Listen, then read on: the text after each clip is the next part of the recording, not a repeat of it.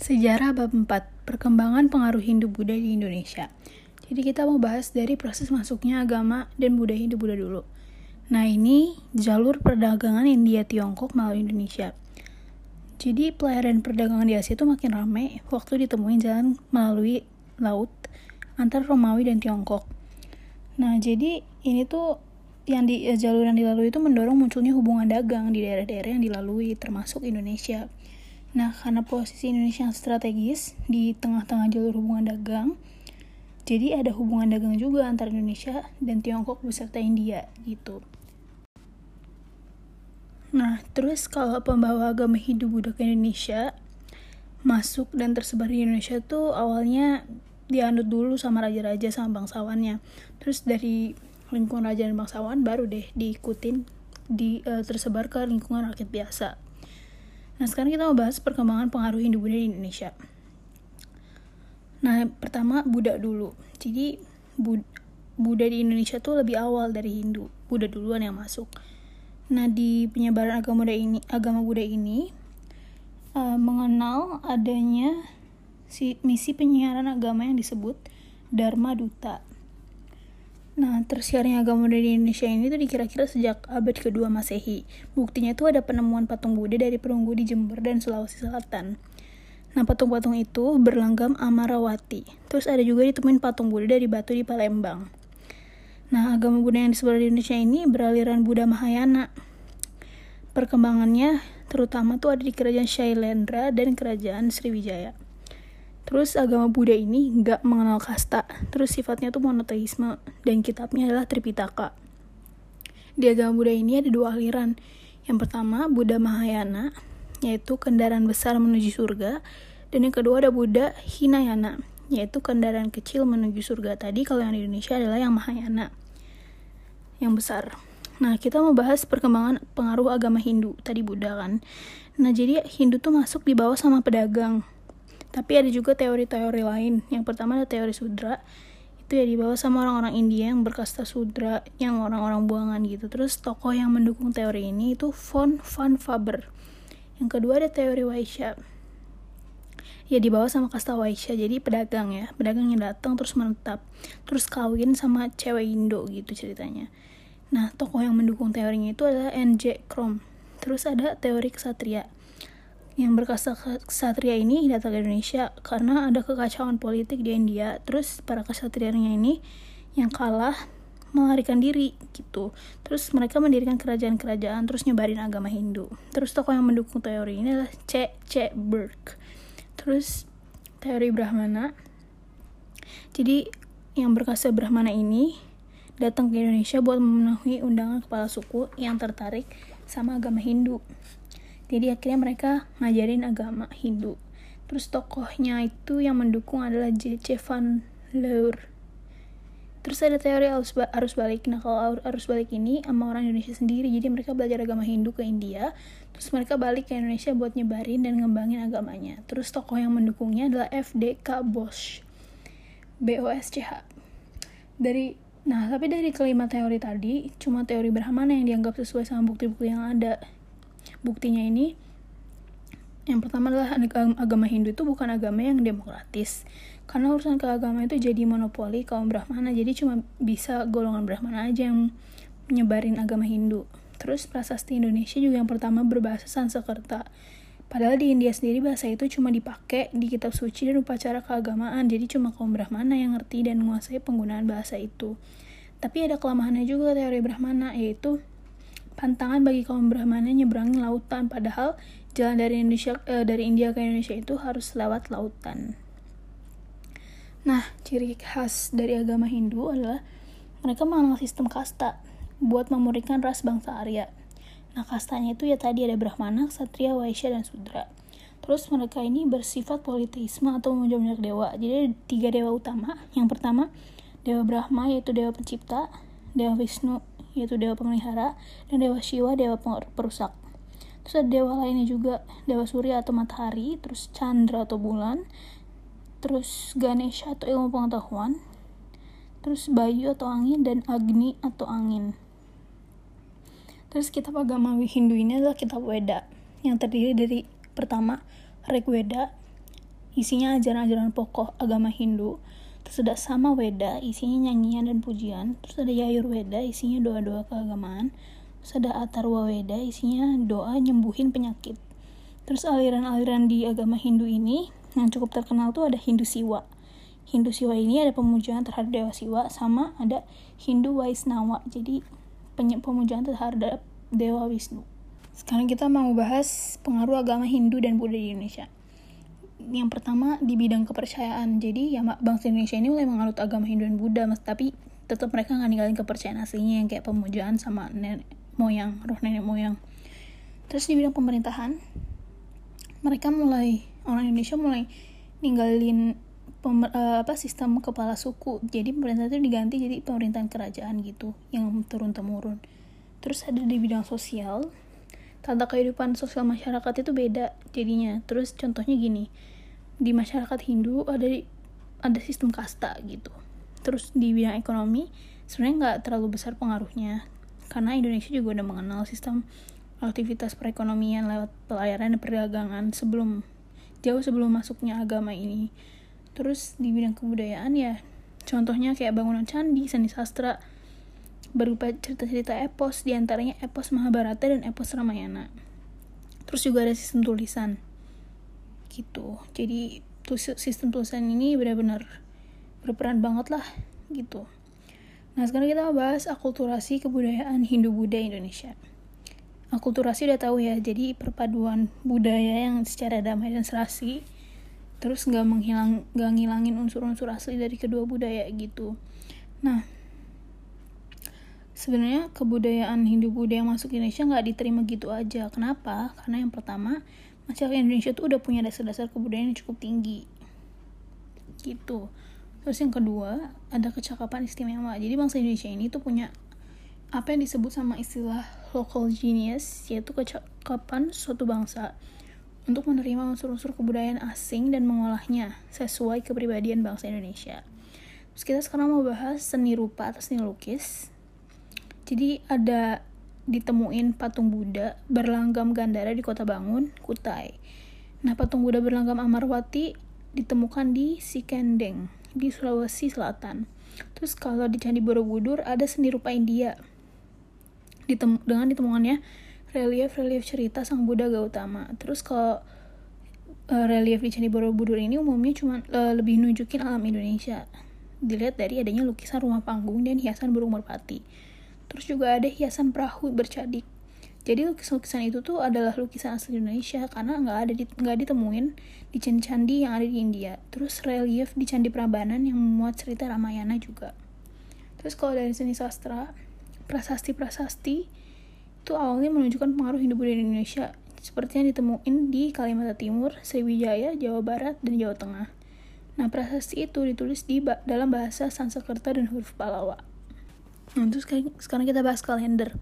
Nah, wujud akulturasi di bidang pengetahuan itu ada perhitungan waktu berdasarkan kalender tahun Saka. Jadi Saka ini adalah tahun kepercayaan Hindu. Terus kalau menurut perhitungan, satu tahun Saka itu sama dengan 365 hari. Dan perbedaan satu Saka dengan tahun Masehi itu adalah 78 tahun.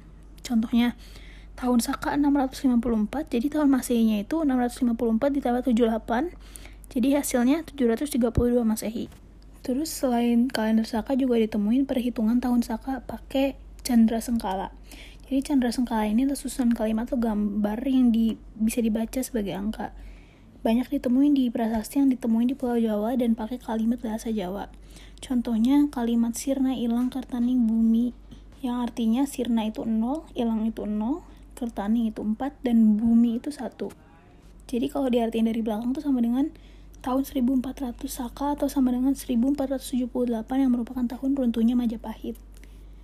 Nah terus kalau di bidang kepercayaan dan filsafat uh, terlihat dari segi pemujaan terhadap roh nenek moyang dan pemujaan terhadap dewa-dewa alam. Kalau dari pemerintahan, ya jadi tetap pemerintahan ini sesuai sama sistem kepala pemerintahan yang berkembang di India. Kepala pemerintahan itu bukan lagi kepala suku tapi raja yang turun turun temurun. Nah, sekarang perkembangan kerajaan Hindu-Buddha di Indonesia. Pertama kita bahas kerajaan Kutai. Kerajaan Kutai ini terletak di Kalimantan Timur, yaitu di hulu sungai Mahakam. Jadi nama kerajaan itu disesuaikan sama nama daerah tempat penemuan prasasti yaitu di daerah Kutai. Terus kalau kata sumber sih di Kalimantan Timur tuh udah berdiri dan berkembang kerajaan yang dipengaruhi Hindu dari India. Jadi uh, adalah beberapa dari penemuan peninggalan berupa tulisan atau prasasti. Jadi tulisan itu ditemuin di tujuh buah tiang batu yang disebut dengan nama Yupa. Tulisan itu, yang di Yupa itu tuh mempergunakan huruf Pallawa dan bahasa Sanskerta. Terus kalau dari kehidupan politiknya, raja-raja kerajaan Kuta itu adalah yang pertama adalah Raja Kudungga. Jadi dia adalah raja pertama. Terus dia tuh awalnya kepala suku, tapi ya karena Hindu masuk dia jadi dia ngubah struktur pemerintahannya itu jadi kerajaan. Terus yang kedua ada Raja Aswawarman. Nah kata prasasti Yupa, Raja Aswawarman ini adalah raja yang cakep dan kuat. Jadi pemerintahannya wilayah kekuasaannya itu diperluas lagi. Buktinya adalah dengan pelaksanaan upacara Asma Weda. Upacara-upacara itu pernah dilaksanain di India pada masa pemerintahan Raja Samudragupta waktu pengen memperluas wilayahnya. Terus yang ketiga ada Raja Mulawarman. Mulawarman ini tuh adalah anaknya Aswawarman. Jadi dia ini adalah si Mulawarman ini adalah raja terbesar di kerajaan Kutai. Jadi di masa pemerintahannya dia, Kutai ini mengalami masa yang gemilang, rakyatnya tentram dan sejahtera. Terus juga Raja Mulawarman ngadain upacara kurban emas yang sangat banyak. Terus kalau dari kehidupan sosialnya, um, di abad keempat Masehi daerah Kutai itu ada masyarakat Indonesia yang udah banyak mendapat pengaruh Hindu. Terus masyarakatnya itu udah mendirikan suatu kerajaan yang teratur dan rapi menurut pola pemerintahan di India. Terus juga akhirnya masyarakat Indonesia ini menerima unsur-unsur yang datang dari luar dari luar atau dari India dan ngembangin sesuai tradisi bangsa Indonesia. Sekolah dari kehidupan ekonominya, kota ini strategis ada di jalur aktivitas pelayaran dan perdagangan antar dunia barat dan dunia timur. Jadi bidang perekonomian masyarakatnya itu adalah perdagangan yang mata pencarian utamanya gitu. Nah kalau dari kehidupan budayanya, salah satu yupa tuh menyebutkan satu tempat suci dengan kata Fapra Kechvara yang artinya sebuah lapangan luas tempat pemujaan. Jadi Fapra Kechvara ini dihubungin sama dihubungkan dengan Dewa Siwa. Jadi masyarakatnya itu masyarakat kota itu memeluk agama Siwa didukung sama beberapa faktor yang pertama besarnya pengaruh kerajaan Palawa yang beragama Siwa. Yang kedua, pentingnya peranan para Brahmana di Kutai menunjukkan besarnya pengaruh Brahmana dalam agama Siwa, terutama mengenai upacara korban.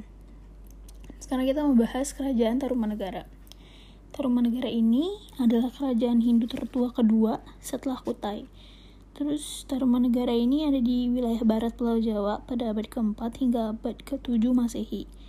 Taruman negara ini berasal dari Tarum dan Nagara. Tarum ini adalah nama sungai yang membelah Jawa Barat yang sekarang namanya Sungai Citarum dan Nagara ini artinya negara atau kerajaan. Nah, kondisi politik kita bahas dari berdirinya kerajaan Taruman Negara dulu. Jadi satu-satunya sumber sejarah yang lengkap ngebahas ini itu ada adalah naskah Wangsakerta. Tapi naskah Wangsakerta juga masih ada perdebatan di antara para sejarawan.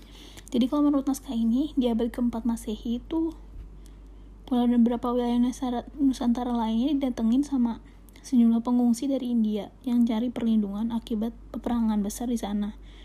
Terus pengungsi itu umumnya dari daerah kerajaan Palawa dan Calan Kayana di India. Terus yang um, pihak yang kalah dalam peperangan melawan kerajaan Samudragupta di India. Nah, salah satu dari rombongan pengungsi Kayana itu dipimpin oleh seorang Maharesi yang namanya Jaya Singawarman.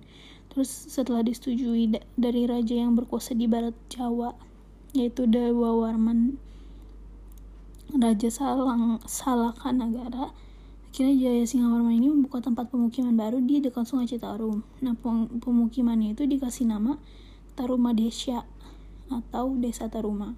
Nah 10 tahun kemudian desa ini tuh banyak datengin penduduk dari desa lain Terus akhirnya jadi besar gitu Terus berkembang jadi setingkat kota atau negara. Terus ya akhirnya semakin berkembang pesat Habis itu akhirnya dibentuklah kerajaan yang namanya Tarumanegara Nah terus kalau kerajaan kejayaan kerajaan Tarumanegara ini Wah puncaknya tuh waktu dipimpin sama Purnawarman. Jadi kerajaan ini diperluas dengan menaklukkan kerajaan-kerajaan di sekitarnya. Jadi katanya luas kerajaan Tarumanegara ini hampir sama sama luas daerah Jawa Barat sekarang. Terus juga Raja Purnawarman ini menyusun pustaka yang berupa undang-undang kerajaan, peraturan angkatan perang, siasat perang, dan silsilah dinasti Warman. Raja Purnawarman ini dikenal juga sebagai raja yang kuat dan bijak kepada rakyatnya. Nah, tadi kejayaannya sekarang keruntuhannya. Jadi raja ke-12 Tarumanegara yang namanya Linggawarman tuh punya dua orang putri. Putri pertamanya itu namanya Dewi Manasi. Terus dia nikah sama Tarusbawa. Terus anak keduanya adalah Soba Kencana yang jadi istrinya Dapuntahyang Srijaya Nasa, pendiri kerajaan Sriwijaya.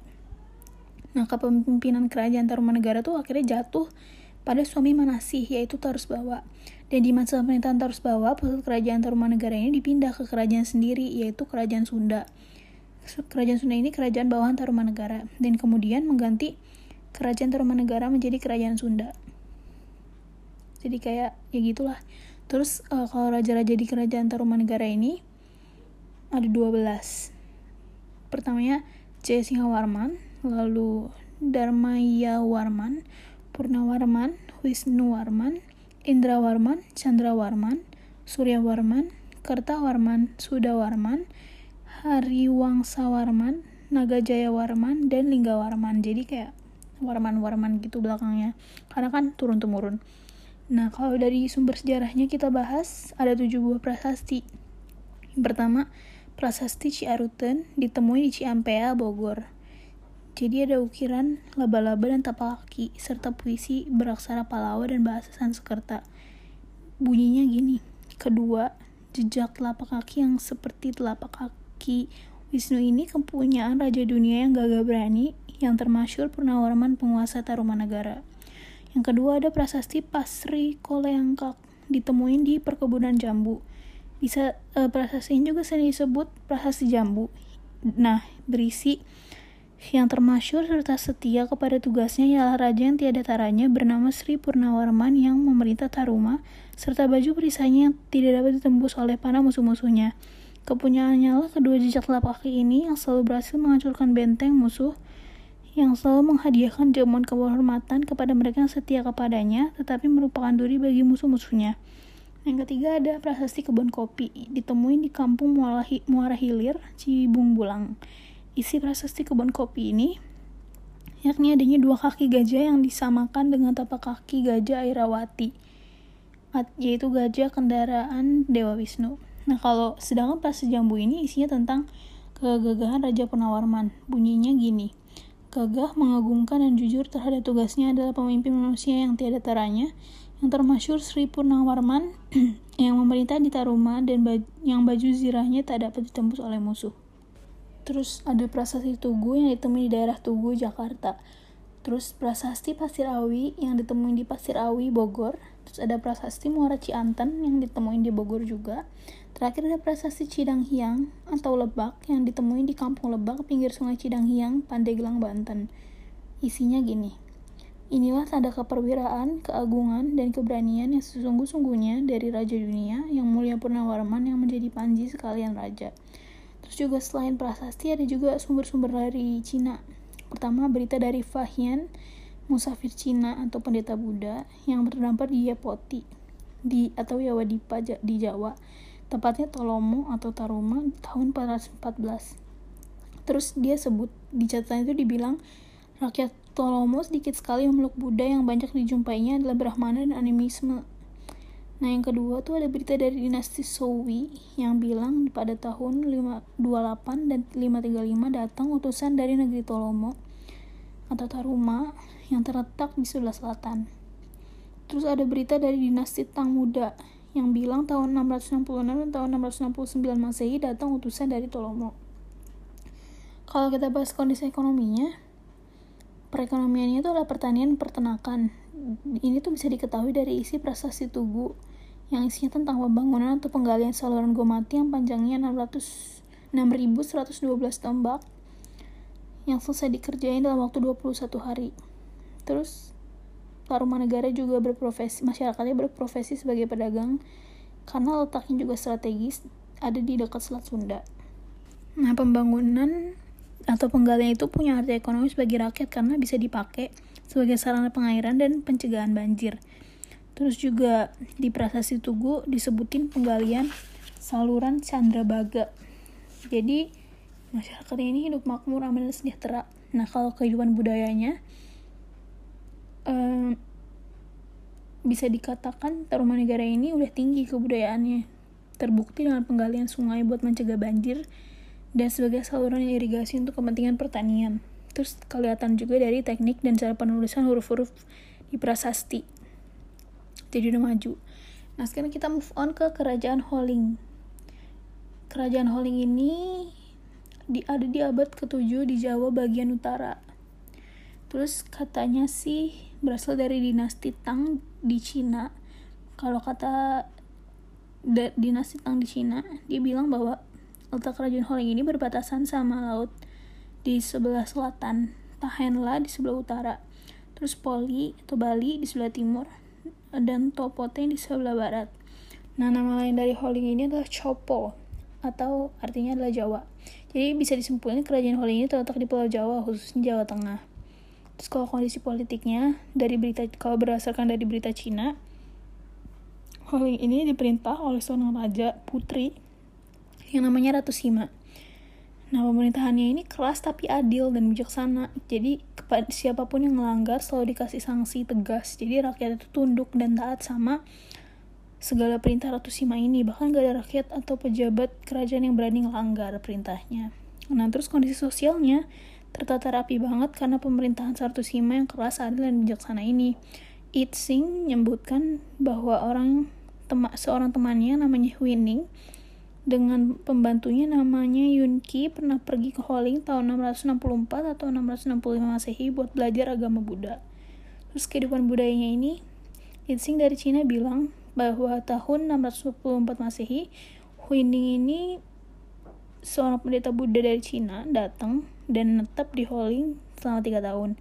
Bahkan ia sampai menerjemahkan salah satu kitab suci Buddha Hinayana yang bahasanya Sanskerta ke dalam bahasa Cina kita move on ke kerajaan Melayu. Jadi kerajaan Melayu ini kalau di bahasa Cina ditulis Malayu. Jadi nama kerajaan yang berada di Pulau Sumatera. Terus kalau e, berdasarkan berita dari Cina, kerajaan ini mengalami naik turun. Nah, pusatnya ini ada di Minanga. Pada abad ke-13 pusatnya di Dar Dharma Straya dan di awal abad ke-15 berpusat di Surwaso atau Pagaruyung. Kerajaan itu berada di Pulau Dipa atau Suwarna Bumi yang oleh para pendatang disebut sebagai Pulau Emas yang punya tambang emas. Terus awalnya punya kemampuan dalam mengontrol perdagangan di Selat Malaka sebelum direbut sama Kerajaan Sriwijaya. Nah dari uraian itu jelas bahwa Kerajaan Melayu terletak di tengah pelayaran antara Sriwijaya dan Kedah. Sriwijaya ini terletak di selatan atau tenggara Melayu. Jadi um, ahli bilang bahwa negeri Melayu ini berlokasi di hulu sungai Batanghari. Jadi sebab pada alas arca Amoga Pasa yang ditemui di Padang Rojo ada prasasti bertarik 1208 saka yang menyebutkan bahwa arca itu merupakan hadiah Raja Kertanegara dari Singasari kepada Raja Melayu. Nah, kalau kondisi politiknya diperintah oleh raja bernama Aditya Warman. Nah, Nama Aditya Warman ini disebutin di Arca Manjusri di Candi Jago, Jawa Timur. Nah, di Aditya Warman ini bersama-sama Gajah Mada telah berhasil melakukan Pulau Bali. Sebenarnya itu Aditya Warman tuh salah seorang putra Majapahit keturunan Melayu. Jadi dia itu adalah putra dari perkawinan Raden Wijaya dengan Dara Jingga. Jadi sebelum menjadi Raja Melayu, dia tuh pernah menjabat Perdana Menteri atau Menteri Tua di Majapahit dengan gelar Arya Dewa Raja Pu Aditya. Jadi waktu dia berkuasa di Melayu, dia nyusun kekuatan buat melebarin kekuasaannya di Sumatera. Akhirnya tahun 1347 Melayu bisa meluaskan wilayah sampai ke daerah Pagaruyung, yaitu Minangkabau. Nah, Ditya Warman ini adalah seorang penganut Buddha Tantrayana. Dia nganggap dirinya itu penjelmaan Lokeswara. Jadi waktu dia meninggal dunia diwujudkan dalam bentuk arca Bhairawa. Terus masa pemerintahannya Aditya Warman ini berlangsung sampai tahun 1375 penggantinya tuh anaknya yang namanya Anang Warman nah terus kondisi sosial ekonominya mengalami perkembangan dari yang semula sistem barter sampai sistem nilai tukar uang. Terus uh, kehidupan ekonomi dan sosial kerajaan Malu tuh gak jauh beda sama Sriwijaya. Jadi bangsawannya meluk Buddha, masyarakatnya berkeyakinan tradisional. Terus Sriwijaya adalah sebuah negara maritim yang punya hubungan perdagangan internasional. Nah, para pedagang dari berbagai bangsa seperti Cina, anak benua India, yaitu Gujarat, Urdu, Pakistan, dan Tamil, uh, habis itu ada Sri Lanka dan Champa tuh datang ke Sriwijaya. Hmm, bukan nggak mungkin ya terjadi perkawinan campur. Terus berita dari Itsing bilang bahwa banyaknya kapal asing datang ke Sriwijaya um, pelautnya itu tinggal beberapa lama di Sriwijaya nunggu datangnya pergantian angin yang bakal bawa mereka berlayar menuju tempat tujuannya. Jadi jelas banget bahwa transportasi laut dan sungai Musi di Palembang ini membantu banget Sriwijaya dalam mengembangkan pertumbuhan ekonominya. Nah, terus dengan kenyataan ini, masyarakat Sriwijaya itu diperkirakan sangat majemuk. Mereka juga mengenal pembagian stratifikasi sosial meskipun belum begitu tegas. Terus bisa dilihat dari istilah dalam prasasti kota kapur yang menunjukkan kedudukan para bangsawan terdiri dari para putra raja dan kerabat istana. Terus adanya istilah Yuwara Raja atau putra mahkota, Prati Yuwaraja, putra raja kedua dan raja kuman, yaitu putra raja ketiga menunjukkan hal itu. Terus ditemui juga istilah-istilah yang berkaitan sama pekerjaan atau jabatan tertentu seperti jabatan nahkoda kapal yang disebut puhafam atau puhawan, bupati, dan senopati.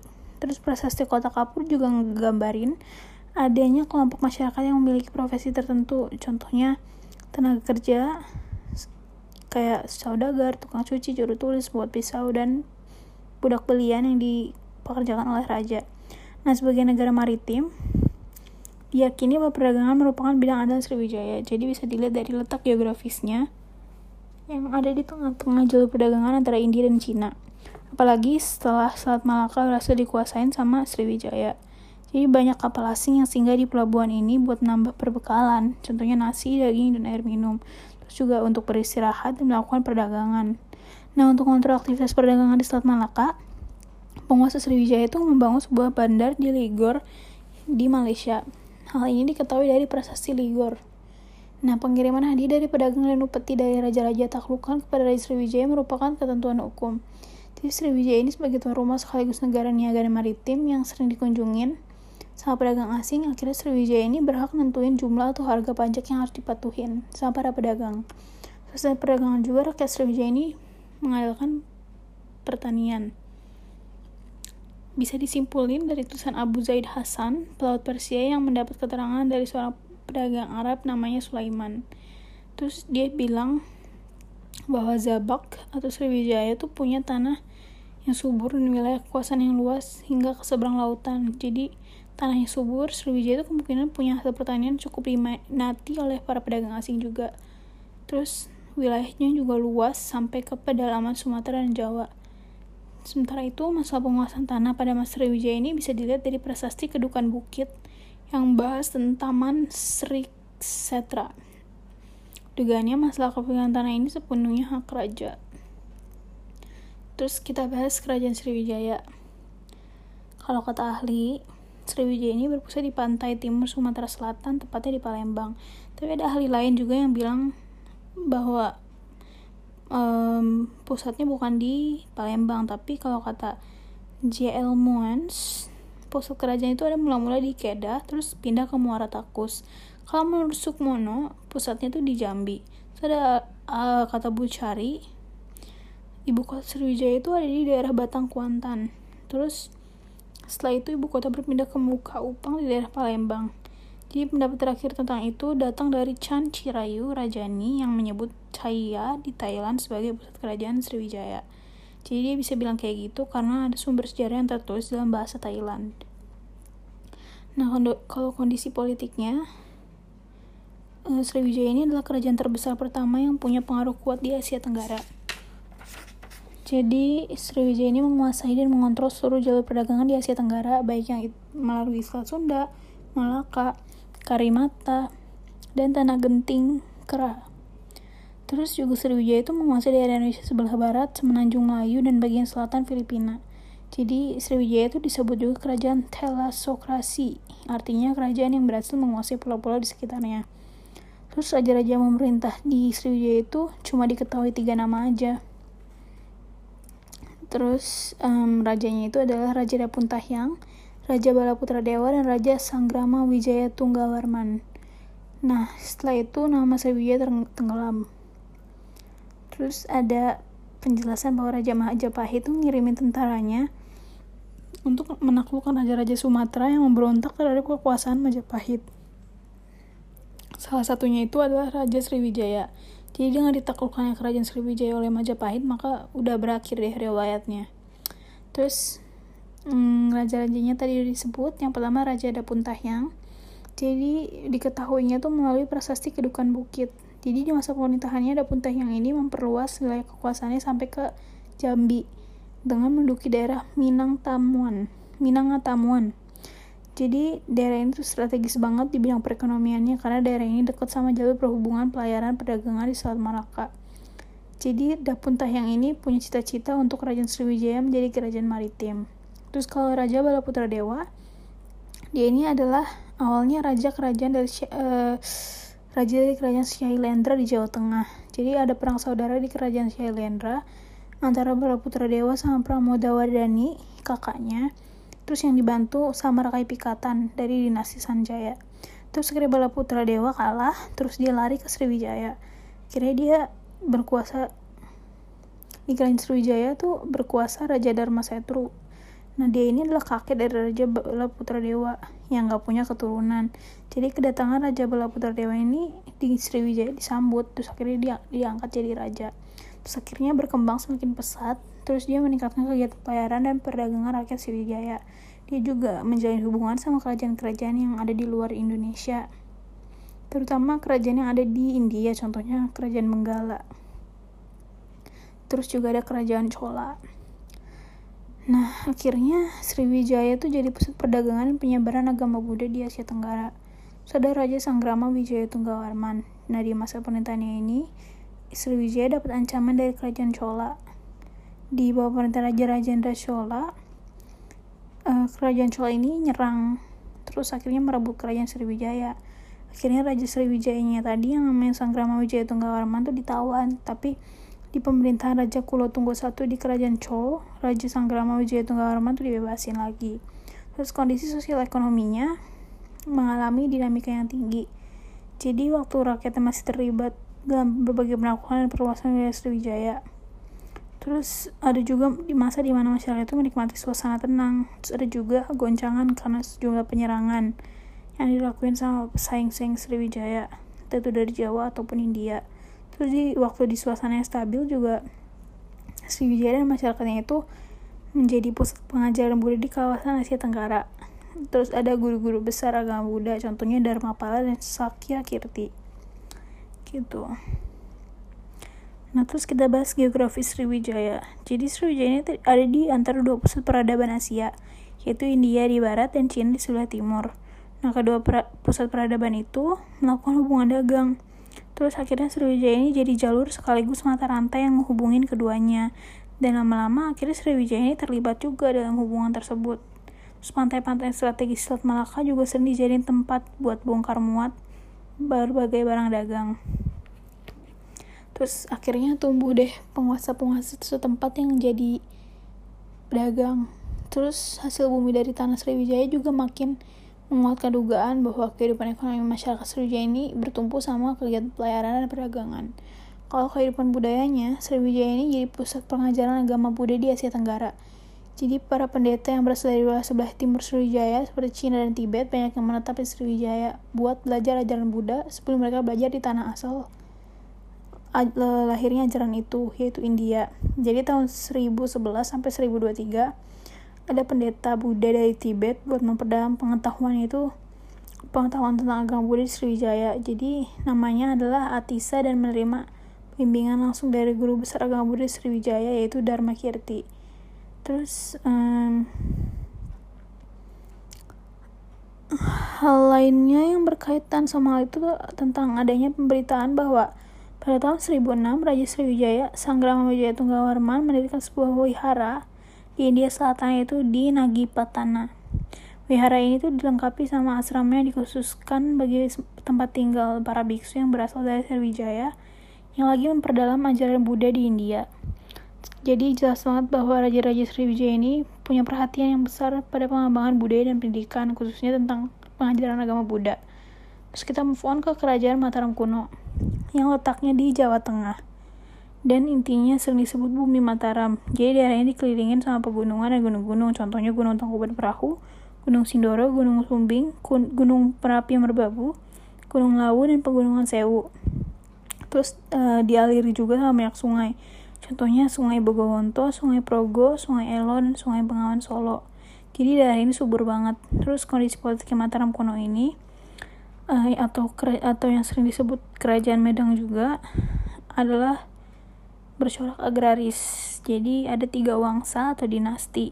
Yang pertama Wangsa Sanjaya, kedua Wangsa Shailendra dan Wangsa Isana. Nah, Wangsa Sanjaya ini adalah pemeluk agama Hindu beraliran Shiva, sedangkan Wangsa Shailendra merupakan pengikut agama Buddha dan Wangsa Insana sendiri adalah bangsa baru yang didirikan sama Empu Sindok.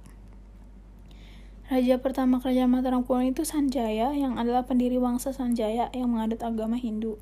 Setelah wafat tuh dia diganti sama Rakai Panangkaran yang akhirnya pindah agama Buddha beraliran Mahayana. Nah, saat itulah Wangsa Shailendra berkuasa.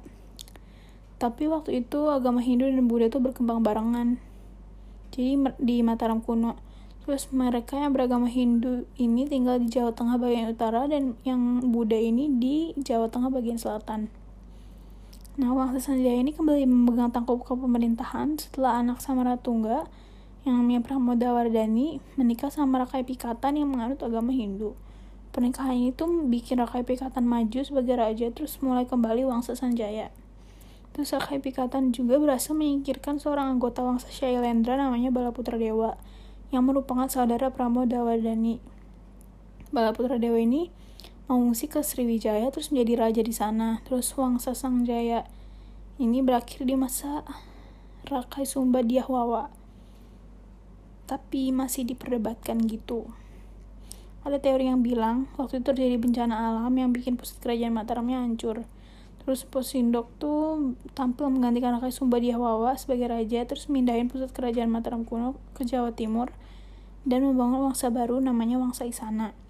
Jadi pusat kerajaan Mataram kuno awalnya tuh terletak di daerah Mataram dekat Yogyakarta. Kalau sekarangnya, terus pas di pemerintahan Rakai Pikatan dipindah ke Mamrati di daerah Kedu. Jadi waktu masuk pemerintahan Diah Balitung udah pindah lagi tuh ke Poh Pitu. Masih di sekitar Kedu. Terus di zaman Diahwawa diperkirakan kembali ke daerah Mataram. Terus akhirnya Posindok memindahkan istana Medang ke wilayah Jawa Timur. Terus kita bahas berdirinya kerajaan Mataram kuno. Menurut Prasasti Mantiasi, raja pertama kerajaan Mataram kuno adalah Sanjaya. Terus Sanjaya ini mengeluarkan prasasti Canggal tanpa nyebut jelas apa nama kerajaannya.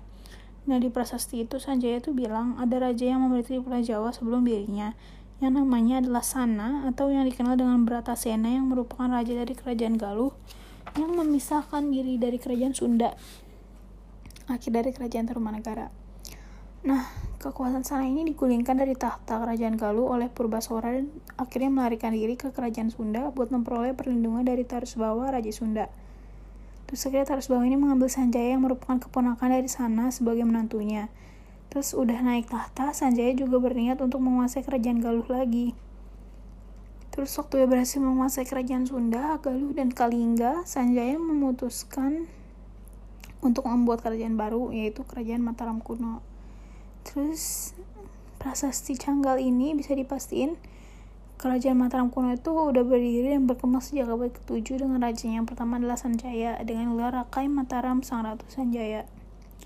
Terus kalau runtuhnya itu kan ada permusuhan antara Jawa dan Sumatera yang dimulai waktu pengusiran Balaputra Dewa oleh Rakai Pikatan. Jadi Balaputra Dewanya ini yang akhirnya jadi Raja Sriwijaya nyimpen dendam sama Rakai Pikatan. Terus ada perselisihan berkembang terus di akhirnya permusuhan turun temurun. Terus juga Medang dan Sriwijaya juga bersaing buat menguasai lalu lintas perdagangan di Asia Tenggara. Terus berlanjut sampai Wangsa Isana berkuasa. Terus waktu Empu Sindok memulai periode Jawa Timur, pasukan Sriwijaya datang nyerang. Terus pertempuran terjadi di daerah Anjuk Ladang, yang sekarang namanya Nganjuk, Jawa Timur. Terus akhirnya yang menang itu adalah Empu Sendok. Terus runtuhnya kerajaan Mataram ini waktu Raja Dharma Wangsa Teguh yang merupakan cicit Empu Sindok memimpin.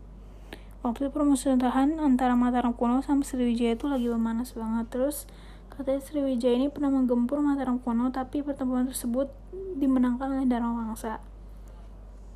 Dharma Wangsa juga pernah nyerang ibu kota Sriwijaya. Tapi tahun 1006 atau 1016 Dharma Wangsa ini lengah. Jadi waktu dia ngadain pesta perkawinan putrinya, Istana Medang di Watan diserbu oleh Aji Wurawari dari Luaram yang diperkirakan sebagai sekutu kerajaan Sriwijaya. Terus akhirnya Dharma Wangsa tewas kalau kondisi sosial, ekonomi, dan kebudayaannya, mereka bertumpu sama pertanian. Jadi, kondisi bu alam bumi yang tertutup dari dunia luar, sulit buat kembangin aktivitas perekonomian dengan pesat. Terus bumi Mataram ini diperintah oleh dua dinasti, yaitu Sanjaya dan Shailendra. Kalau Sanjaya Hindu, dengan pusat kekuasaan di utara dengan asal budayanya berupa candi-candi seperti Gedong Songo dan Dieng. Kalau Shailendra itu agamanya Buddha yang pusat kekuasaannya di daerah selatan Sebudayanya itu mendirikan candi-candi kayak Candi Borobudur, Mendut, dan Pawon. Terus awalnya ada perebutan kekuasaan, tapi akhirnya terjadi persatuan waktu ada perkawinan antara Pikatan yang merupakan Sanjaya yang beragama Hindu dengan Pramodawardhani yang berdinasti Shailendra yang beragama Buddha. Akhirnya Hindu dan Buddha hidup berdampingan secara damai. Terus kita move on ke kerajaan Medang Kamulan. Lokasinya itu ada di Jawa Timur pada abad ke-10. Nah, kerajaan itu adalah kelanjutan dinasti Sanjaya, yaitu kerajaan Mataram kuno di Jawa Tengah, yang akhirnya pindah pusat kerajaannya dari Jawa Tengah ke Jawa Timur. Pusindok ini adalah pendiri kerajaan ini, terus dia adalah pendiri dinasti Isyana yang menurunkan raja-raja Medang.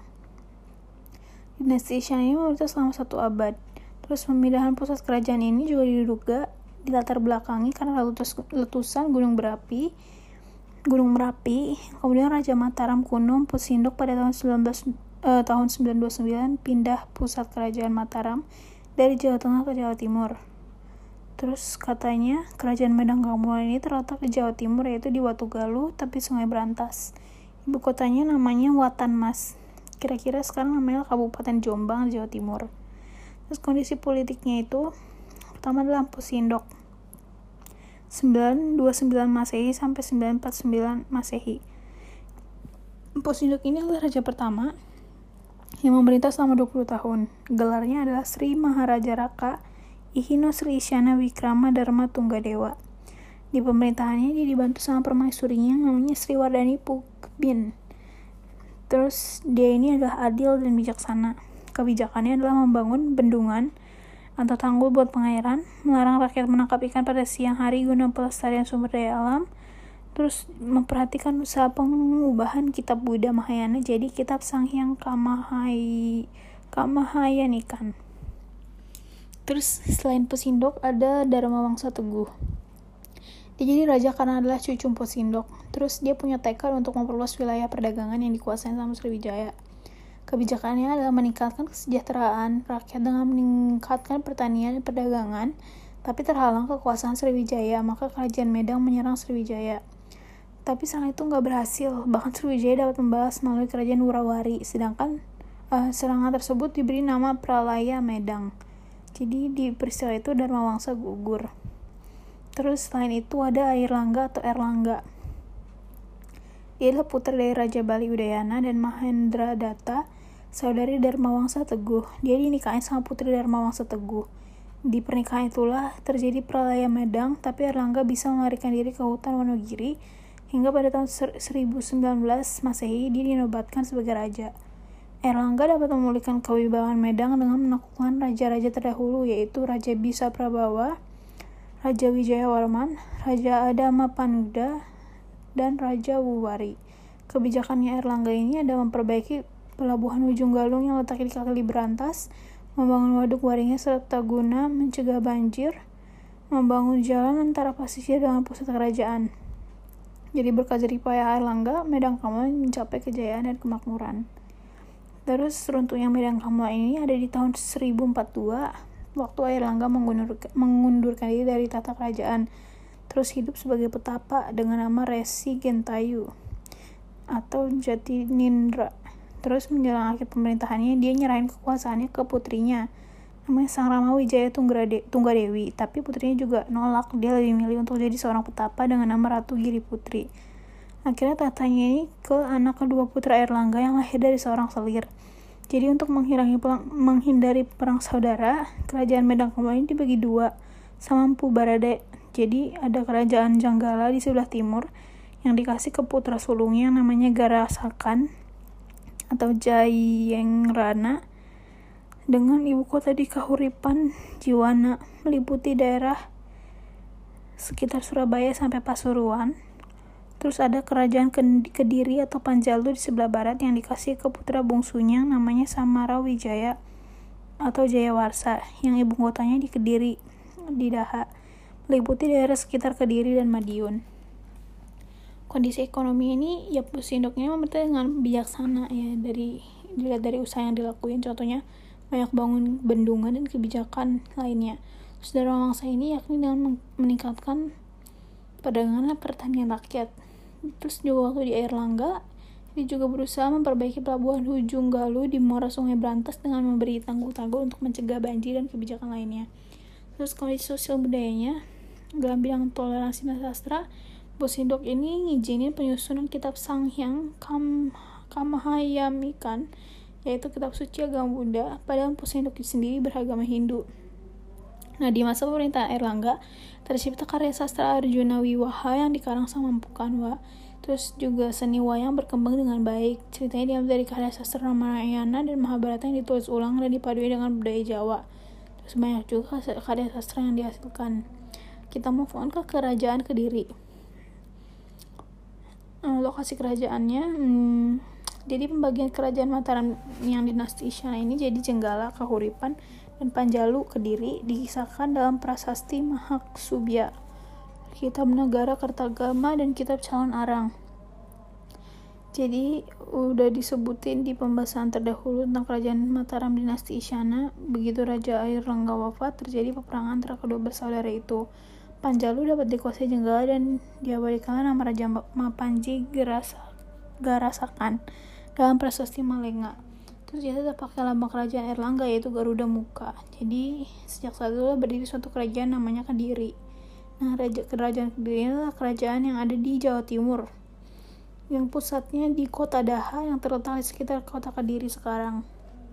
Kondisi politiknya, kalau kata berita dari Cina itu dalam kitab Ling Wai Taita yang ditulis oleh Chou Kufei tahun 11, 1178 dan pada kitab Chu Fanqi yang disusun oleh Chao Jukwa tahun 1225. Jadi kitab itu melukiskan keadaan pemerintahan dan masyarakat zaman Kediri. Jadi kitab itu menggambarin masa pemerintahan Kediri termasuk stabil dan pergantian tahta berjalan lancar tanpa menimbulkan perang saudara. Terus dalam jalannya pemerintahannya, raja dibantu sama tiga orang putranya dan empat pejabat kerajaan, rakrian atau rakrian, terus ditambah 300 pejabat sipil atau administrasi dan 1000 pegawai rendahan. Prajuritnya ini berjumlah 30 ribu orang. Terus um, pemerintah ini sangat memperhatikan keadaan pertanian, peternakan, dan perdagangan. Terus pencuri dan perampok juga kalau tertangkap dihukum mati. Jadi setelah 58 tahun mengalami masa suram, kerajaan Panjalu atau Kediri ini bangkit lagi. Terus saja yang memerintah adalah Rakai Sirikan Sri Bameswara, Raja Jayabaya, Raja Sares Sarveswara, Sri Ariyaswara, Sri Gandra, Kameswara, dan Kertajaya. Terus di pemerintahannya, Kertajaya sering berselisih pendapat sama masa sama Brahmana. Jadi Brahmana ini minta perlindungan ke Ken Arok. Jadi kesempatan emas ini dipakai sama Ken Arok buat memberontak raja. Oleh karena itu terjadi pertempuran hebat di Ganter. Terus Ken Arok berhasil ngalahin Raja Kertajaya. Akhirnya berakhir masa pemerintahan kerajaan Kediri sebagai kelanjutan dinasti Isyana yang didirikan oleh Sindok ini. Terus kondisi sosial budayanya udah teratur. Penduduknya tuh pakai kain sampai bawah lutut, rambut diurai dan rumahnya bersih serta rapi. Terus juga di perkawinan, keluarga pengantin wanitanya menerima mas kawin berupa emas. Seorang orang yang sakit juga memohon kesembuhan sama dewa dan Buddha. Jadi perhatian raja terhadap rakyat itu tinggi banget. Dibuktiin di kitab Lubdaka yang isinya tentang kehidupan sosial masyarakat pada saat itu. Tingginya martabat seorang itu bukan berdasarkan pangkat dan harta bendanya, tapi berdasarkan moral dan tingkah lakunya. Terus juga rajanya menghargai dan menghormati hak-hak rakyatnya. Kira rakyatnya berleluasa menjalankan aktivitas kehidupan sehari-hari. Terus zaman kini karya sastra itu berkembang pesat uh, di masa pemerintahan Jayabaya raja pernah raja pernah nyuruh Pusada untuk mengubah kitab Baratayuda ke dalam bahasa Jawa kuno. Tapi karena nggak selesai pekerjaan itu dilanjutin sama Empu Panuluh. Di kitab itu nama Jayabaya disebut beberapa kali sebagai sanjungan kepada rajanya. Kitab itu um, berangkat tahun dalam bentuk chandra sangkala, sang kuda sudah bercandrama.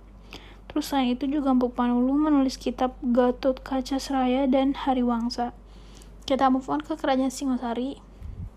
Kondisi politiknya, uh, kalau raja-raja, pertama adalah Ken Arok. Jadi adalah pendiri kerajaan Singosari. Yang gelarnya adalah Sri Rangga Raja Sasang Amurwa Bumi. Jadi munculnya Ken Arok sebagai raja pertama Singosari itu menandai munculnya suatu dinasti baru yaitu dinasti Rajasa atau Raja Sawangsa atau Girindra yaitu atau Girindra Wangsa Ken Arok tuh memerintah cuma lima tahun karena di tahun 1227 Ken Arok dibunuh sama suruhan Anusapati yaitu anak tiri Ken Arok Ken Arok dimakamin di kegenengan dalam bangunan Siwa Buddha terus yang kedua adalah Anusapati ini um, dalam pemerintahan yang lama Anusapati ini gak banyak melakukan pembaruan karena dia seneng nyabung ayam. Jadi kematian Ken Arok ini akhirnya terbongkar sampai ke telinga Toh Joyo, yaitu putra Ken Arok dengan Ken Umang. Terus Toh Joyo ini tahu bahwa Anusapati itu suka nyabung ayam, jadi akhirnya diundang ke Gedong Jiwa, tempat kediaman Toh Joyo untuk mengadakan pesta sabung ayam. Terus waktu Anusapati lagi asik nonton aduan ayamnya, tiba-tiba Toh Joyo itu nyabut keris buatan Pugandring yang dibawa dan langsung menusuk Anusapati akhirnya meninggal di Anusapatinya yang didarmakan di Candi Kidal. Yang ketiga ada Toh Joyo. Nah, dia memerintahnya nggak lama karena anaknya Anusapati yang namanya Ranggawuni berusaha membalas kematian ayahnya ini. Dengan bantuan Mahesa Cempaka dan para pengikutnya, Ranggawuni berhasil menggulingkan Toh Joyo dan kemudian menduduki singgasana. Terus ada Ranggawuni.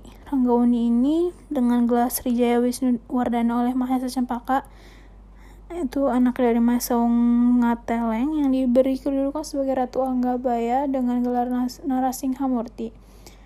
Pemerintahan Ranggamuni ini membawa ketentraman dan kesejahteraan rakyat Singosari. Tahun 1254, Wisnuwardana mengangkat putranya yang bernama Kertanegara sebagai Yuwa Raja atau Raja Muda, yang maksudnya untuk menyiapkan dia jadi Raja Besar di Kerajaan Singosari. Tahun 1268, Wisnuwardana meninggal dunia terus didarmakan di Jajagu atau Candi Jago sebagai Buddha Amogapasa dan di Candi Waleri sebagai Siwa. Terus ada Kertanegara. Jadi dia itu adalah Raja Singosari terakhir dan terbesar karena punya cita-cita untuk menyatukan seluruh Nusantara. Nah, gelarnya adalah Sri Maharaja Diraja Sri Kertanegara.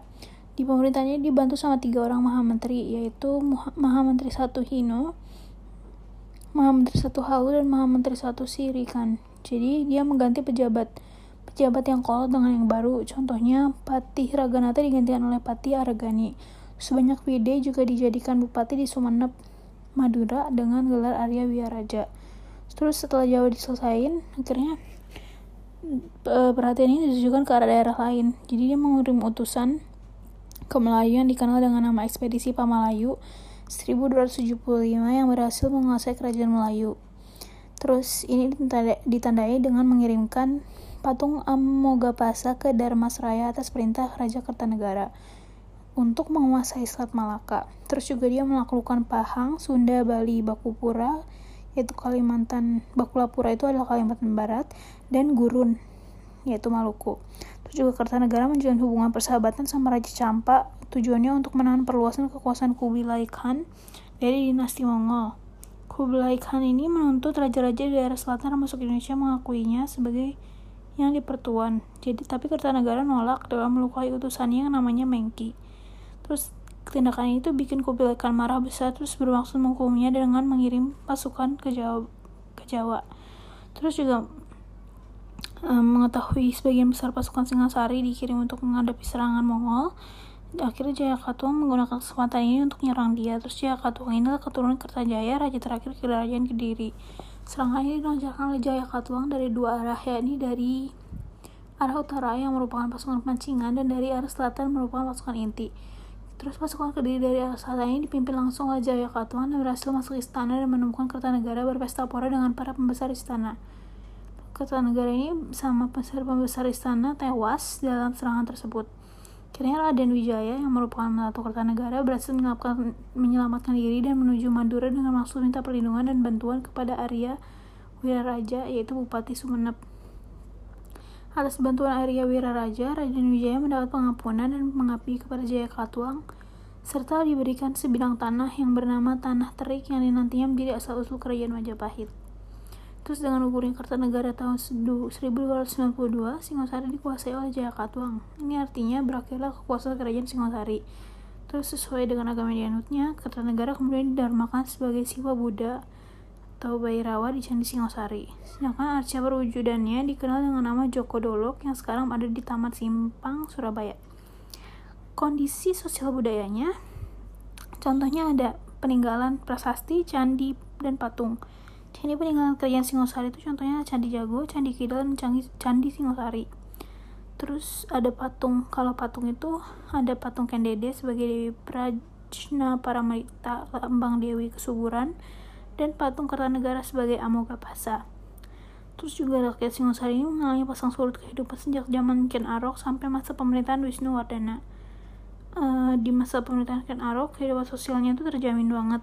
Kemakmuran dan keteraturan tuh uh, kemungkinan adalah suatu kemungkinan yang menyebabkan para Brahmana minta perlindungan ke Ken Arok atas kekejaman rajanya. Tapi di masa pemerintahan Anusapati, kehidupan masyarakat mulai terabaikan karena Rajanya gemar menyabung ayam, jadi merupakan pembangunan kerajaan. Keadaan rakyat Singosari mulai berangsur-angsur membaik setelah Wisnuwardana naik tahta Singosari. Kemakmuran makin dapat dirasakan rakyat Singosari setelah Kertanegara menjadi raja. Di masa pemerintahan Kertanegara, kerajaan dibangun dengan baik, terus rakyatnya hidup aman dan sejahtera. Nah, cita-cita Kertanegara ini dia mau menyatukan seluruh wilayah Nusantara di bawah naungan Singosari, tetapi akhirnya tercapai juga meskipun belum sempurna. Kekuasaannya itu ada Jawa, Madura, Bali, Nusa Tenggara, Melayu, Semenanjung Malaya, Malaka, Kalimantan, Sulawesi, dan Maluku. Kondisi ekonominya, pusat kerajaan Singosari ada di sekitar lembah Sungai Berantas yang diduga bahwa rakyat Singosari banyak menggantungkan kehidupannya pada sektor pertanian. Jadi hasil bumi yang melimpah juga menyebabkan Raja Kertanegara memperluas wilayah terutama tempat-tempat yang strategis buat lalu lintas perdagangan. Keberadaan Sungai Berantas ini juga bisa dipakai sebagai saluran lalu lintas perdagangan dari wilayah pendalaman dengan dunia luar. Terus kita move on ke kerajaan Bali. Kondisi politiknya, berita tertua mengenai Bali bersumber dari Bali sendiri yaitu beberapa buah cap kecil dari tanah liat yang ukurannya 2 setengah sentimeter yang ditemui di Pejeng, Bali. Jadi um, prasas ada juga prasasti tertua di Bali bilang perintah membuat pertapaan dan pesanggerahan di Bukit Kintamani.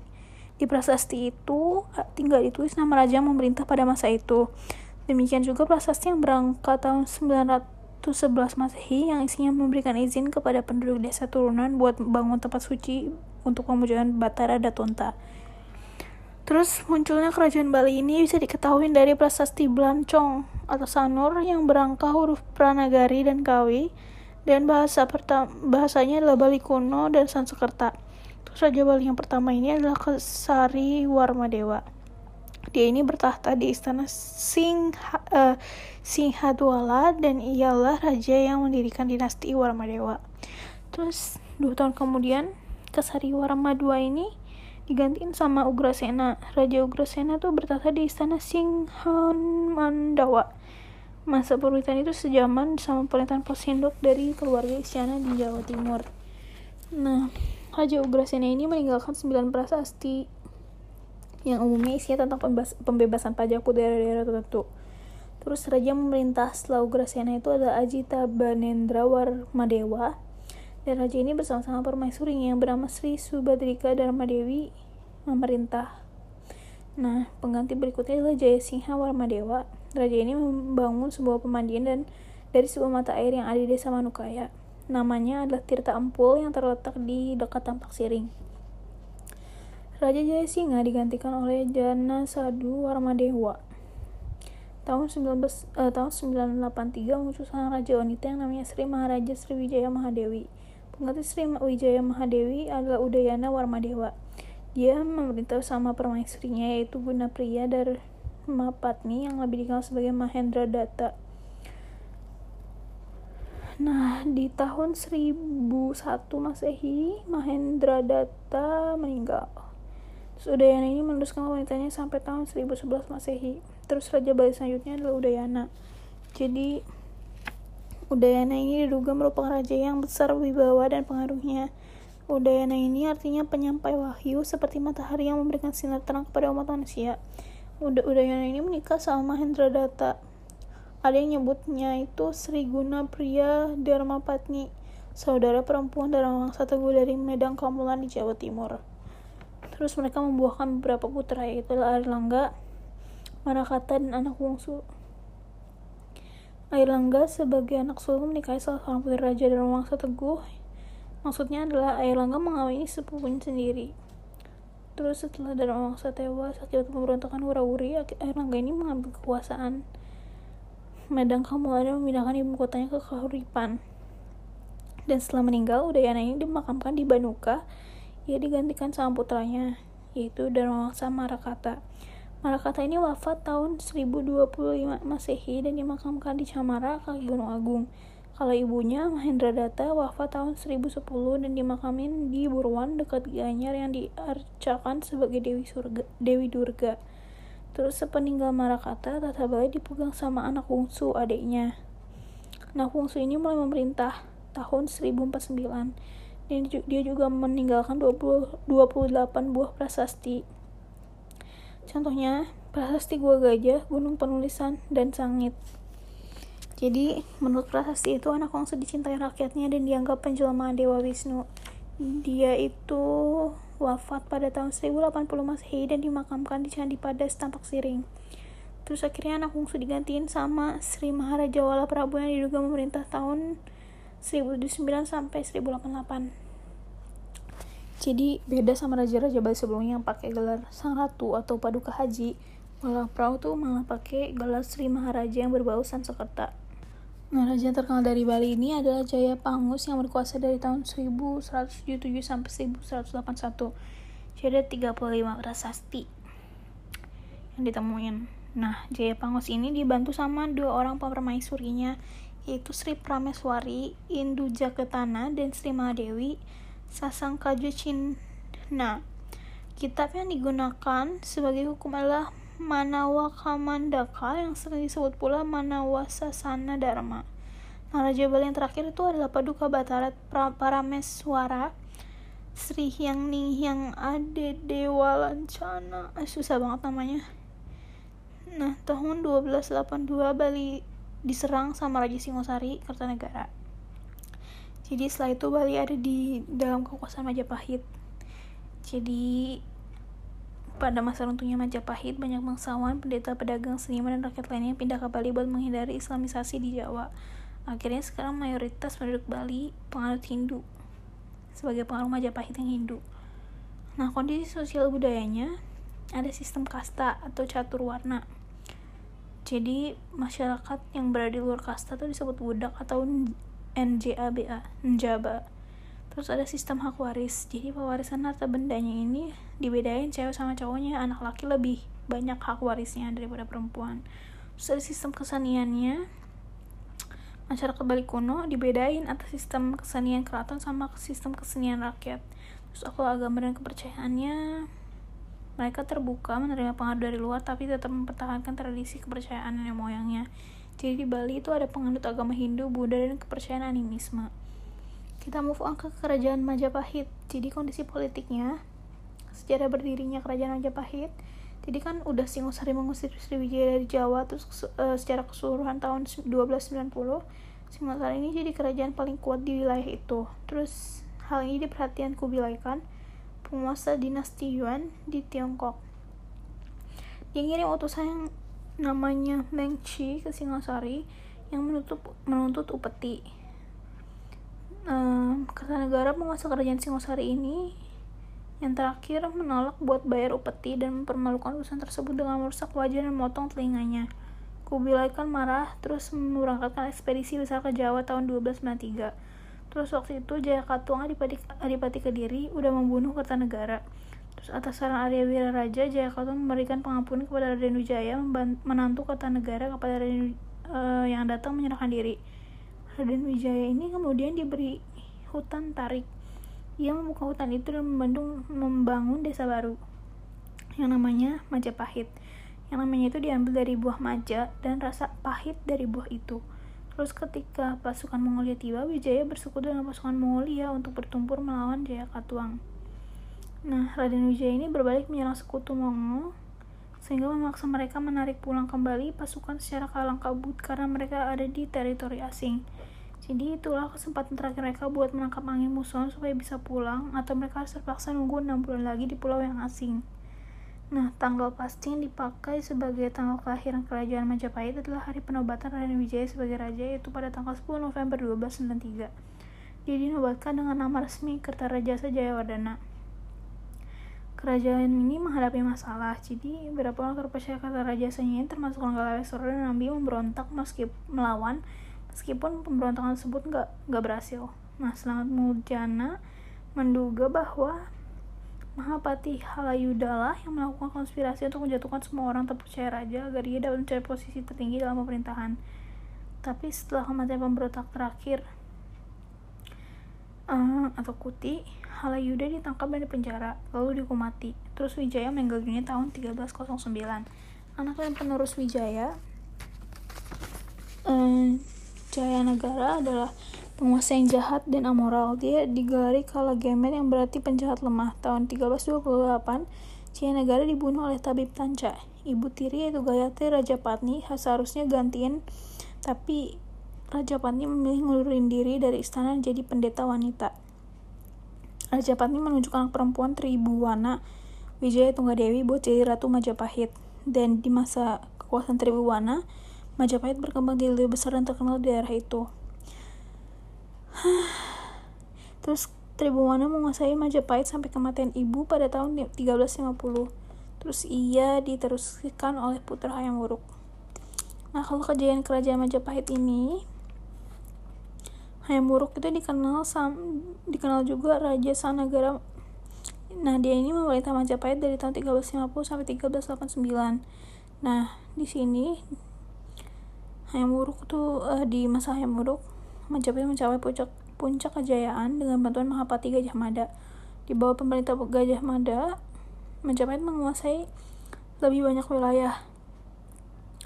Dan beberapa tahun setelah kematian Gajah Mada, Majapahit melancarkan serangan laut ke Palembang, menyebabkan runtuh sisa-sisa kerajaan Sriwijaya. Jenderal terkenal Majapahit lain adalah Aditya Warman yang terkenal karena penaklukan di Minangkabau. Kalau menurut Kakawin Negara Kertagama, Daerah pe kekuasaan Majapahit itu meliputi Sumatera, Semenanjung Malaya, Borneo, Sulawesi, Kepulauan Nusa Tenggara, Maluku, Papua, dan sebagian kepulauan Filipina. Tapi batasan alam dan ekonomi itu menunjukkan bahwa daerah-daerah kekuasaan itu um, tampak tidaklah berada di bawah di bawah kekuasaan terpusat Majapahit, tapi terhubungkan satu sama lain oleh perdagangan um, yang mungkin berupa monopoli oleh raja. Majapahit juga memiliki hubungan dengan Champa, Kamboja, Siam, Birma bagian selatan, dan Vietnam, bahkan mengirim duta-duta ke Tiongkok. Terus keruntuhan Majapahit ini sudah puncaknya di abad ke-14, kekuasaan Majapahit berangsur lemah. E, tampak terjadi perang saudara yang namanya Perang Paregreg pada tahun 1405 sampai 1406 antara Wirabumi melawan Wira Wikramawardhana jadi ada pergantian raja yang dipertengkarkan pada tahun 1450-an dan pemberontakan besar yang dilancarkan oleh seorang bangsawan tahun 1468. Nah, di tradisi Jawa itu ada sebuah kronogram atau candra sengkala yang berbunyi sirna hilang ke kereta bumi. Konon ini adalah tahun terakhir Majapahit dan harus dibaca sebagai 0041 yaitu tahun 1400 Saka atau 1478 Masehi. Arti sengkala ini adalah sirna hilanglah kemakmuran bumi Tapi yang sebenarnya digambar oleh Chandra Sengkala ini adalah gugur Breaker Tabumi Raja ke-11 Majapahit oleh Girindra Wardana. Jadi ketika Majapahit didirikan pedagang muslim dan para penyebar agama sudah mulai memasuki Nusantara. Dan dia kira berke-14 dan awal abad ke-15 pengaruh Majapahit di seluruh Nusantara mulai berkurang. Di saat bersamaan, ada kerajaan perdagangan baru yang berdasarkan agama Islam yaitu Kesultanan Mahalaka mulai muncul di bagian barat Nusantara. Kalau dari sejarah, Tiongkok Portugis atau Tome Pires dan Italia Pigafetta mengindikasikan bahwa terjadi perpindahan kekuasaan Majapahit dari tangan penguasa Hindu ke tangan Adipati Unus, penguasa dari Kesultanan Demak antara tahun 1518 dan 1521 Masehi. Kondisi ekonominya, Majapahit ini adalah negara agraris dan negara perdagangan. Jadi Majapahit itu punya pejabat sendiri buat ngurus perdagangan dari India dan Tiongkok yang menetap di ibu kota kerajaan maupun berbagai tempat lain di wilayah Majapahit di Jawa. Jika menurut catatan Huang Taiyuan, pedagang Tiongkok, komoditas ekspor Jawa waktu itu tuh lada, garam, kain, dan burung kakatua. Sedangkan komoditas impor adalah mutiara, emas, perak, sutra, barang keramik, dan barang dari besi. Dan mata uangnya dibuat dari campuran perak, timah putih, timah hitam, dan tembaga. Terus ada juga catatan Odorico da Pordenone Biarawan Katolik Roma dari Italia yang mengunjungi Jawa pada tahun 1321 bilang bahwa istana Raja Jawa penuh dengan perhiasan emas, perak, dan permata. Terus kehidupan budayanya, ibu kota Majapahit di Trowulan tuh adalah kota besar dan terkenal dengan perayaan besar keagamaan yang diselenggarakan tiap tahun. Agama Buddha Siwa dan Waisnawa atau pemuja Wisnu ini dipeluk oleh penduduk Majapahit dan Raja dianggap sekaligus sisisan Buddha Siwa maupun Wisnu. Walaupun batu bata telah digunakan dalam candi pada masa sebelum arsitek, Majapahit yang paling ahli menggunakannya. Candi-candi Majapahit berkualitas baik secara geometris dan memanfaatkan getah tumbuhan merambat dan gula merah sebagai perekat batu bata. Contoh candi Majapahit yang masih bisa ditemui sekarang tuh Candi Tikus, Candi Bajang Ratu di Trowulan, Mojokerto. Candi Tikus dan Candi Bajang Ratu di Trowulan, Mojokerto. Akhirnya selesai. Oh my god.